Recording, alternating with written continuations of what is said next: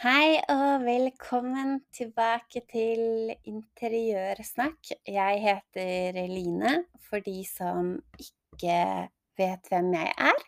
Er interiørdesigner til daglig og er dama bak Interiørsnakk, rett og slett. Nå har det vært eh, vår, og vi er godt inne i sommeren. Og jeg har litt eh, lyst til å snakke om uterom. Eh, det finnes eh, mange ulike uterom, men en av utfordringene med uterom er at man syns det er vanskelig å innrede det. Det er vanskelig å holde det ved like. Det er vanskelig å holde det ålreit der hele året rundt.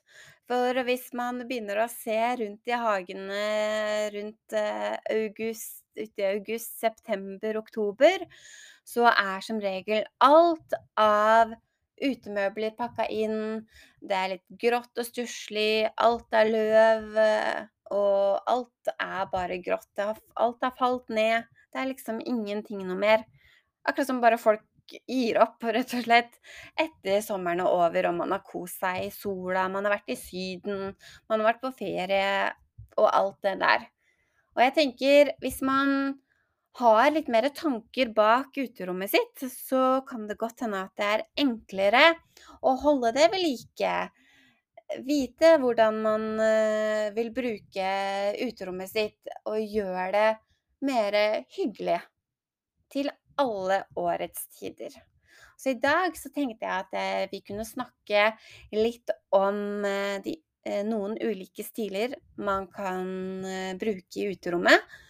Og så er det jo helt opp til deg om du har lyst til å bruke én eller flere eller ingen, for her er det ikke noe fasit. Alt er opp til deg. Men det handler om å finne en stil som gjør at det her blir enklere. Jeg vet selv, når jeg fikk hage, så visste jeg ikke hvor jeg skulle begynne. Og det tok litt tid før jeg skjønte at man kan faktisk bruke mye av de samme metodene i interiørdesign og hagedesign. De er veldig like. Så når jeg fant ut det, så tok jeg hagedesign, og så ble det så klart lettere. Men nå har jeg lyst til å gi det her bort videre, sånn at kanskje det gjør det litt enklere for noen av dere, i hvert fall. Forhåpentligvis. Men før du setter i gang, så har du kanskje allerede noen tanker. Ikke vet jeg. Eh, kanskje du ikke har har noe stil av de her, her som du ønsker når jeg er ferdig med å snakke i dag. Men da kan du også ta stilen som gjenspeiler deg.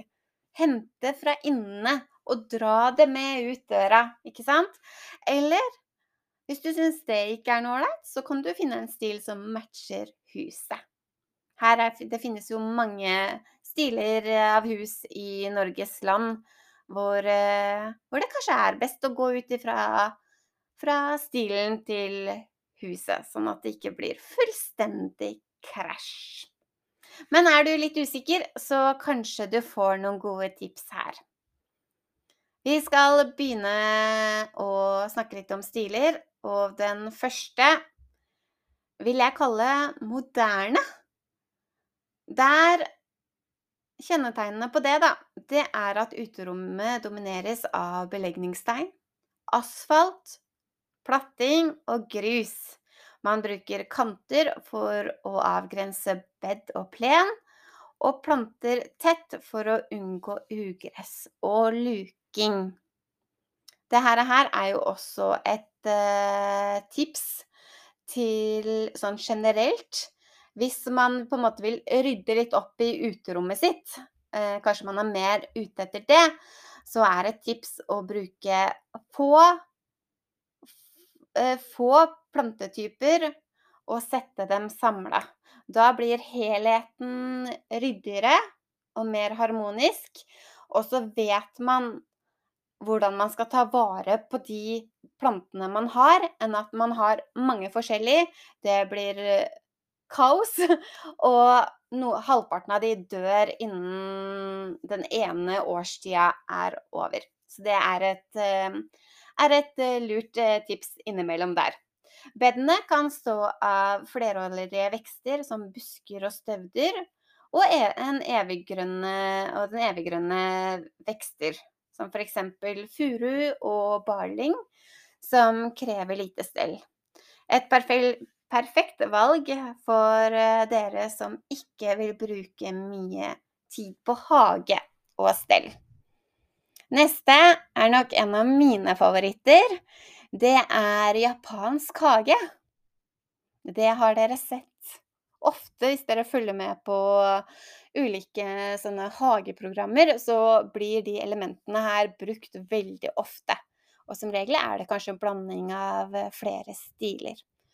Og det, japansk hage, det er et uterom for refleksjon, ro, nøkternhet og harmoni. De grunnleggende elementene i stilen er stein, grus, vann og trær. Hvert element i hagen er ment for å symbolisere noe i naturen. Så f.eks. sånne steiner i sanda, da, det representerer f.eks. øyer. Vekster som bambus, japansk lønn, plommetre, furu, mangolia, lønn, gress, iris er blant annet de som passer utmerket i denne stilen her.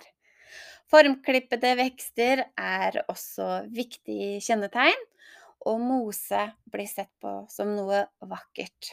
Sånn som for eksempel på steiner, eller eh, ha det i eh, Ha det i eh,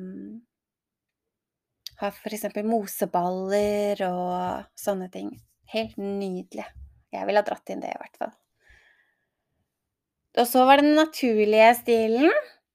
Her er uterommet bygget opp rundt eh, det som er naturlig for området du bor i. Det kan være en eng, skogkant eller fjell, f.eks.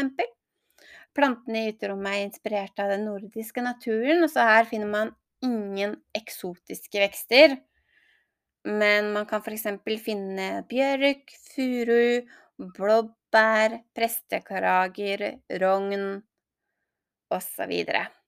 Uterommet det er lettstelt, hardfør, men også på naturen sine premisser.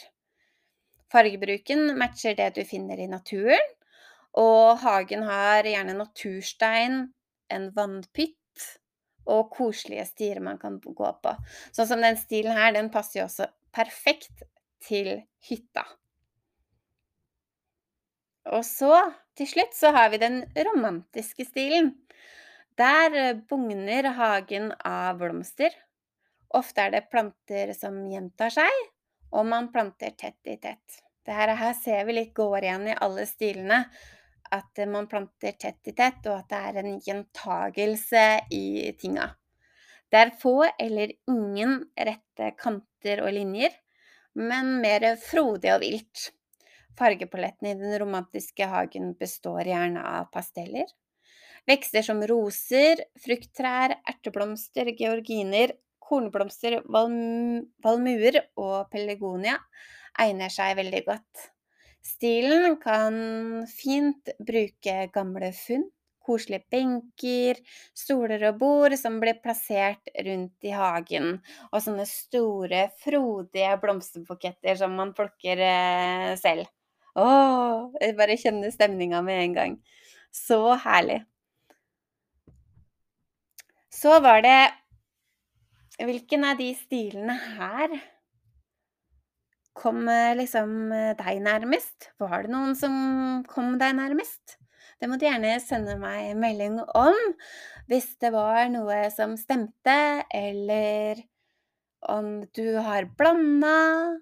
Hvem er du? Eller eh, er du kommet til et sted der du egentlig bare trenger en opprydning? Eh, og gjøre om og ta bort og styre og ordne litt for at det her skal falle på plass. Ta gjerne og send meg en melding på det. Det hadde vært veldig, veldig spennende å høre. Veldig gøy å høre. Så var det den starten på planlegginga. Nå har vi liksom fått, kanskje fått landa stilen litt. Og stilig går det jo også an å blande. Men det er alltid lurt da å rydde opp, kaste unna og gi bort det man ikke trenger, sånn at du får en god oversikt. Fordi neste steg, det blir jo da å måle opp plassen du har. Om det er tomta, eller om man da skal si uteområdet, terrassen, balkongen. Mål det opp. Hvor er det sol, hvor er det skygge? Og sånn at man kan planlegge da soner ut fra hva man skal, og hvor sola er hen. Og ikke minst så får man med de utfordringene som man finner ut når man begynner å planlegge et sånn prosjekt, om det er lite eller stort. Tegn det, ta, lag en, rett og slett en god skisse på det. For her er det masse muligheter. Det syns jeg du skal gjøre. Begynn der. Nå begynner vi ordentlig, og så tar vi de neste stega neste gang. Neste gang vi møtes. Da skal vi snakke om soner i uterommet, vi skal snakke om stylinger, vi skal snakke om rammeverk. Og så tror jeg også vi skal snakke litt om planting. Så jeg håper dere likte den eh, episoden.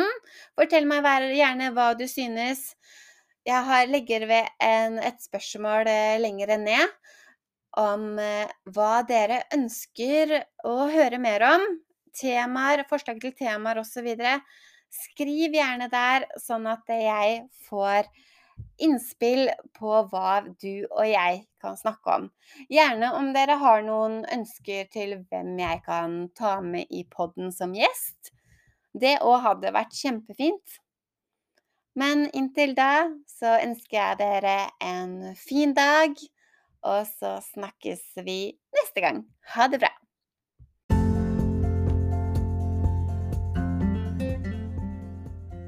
Jeg håper du likte denne episoden her. Om du vil bli bedre kjent med meg, så finner du meg på sosiale medier på Room Interiørstudio, og du finner meg på min nettside med samme navn.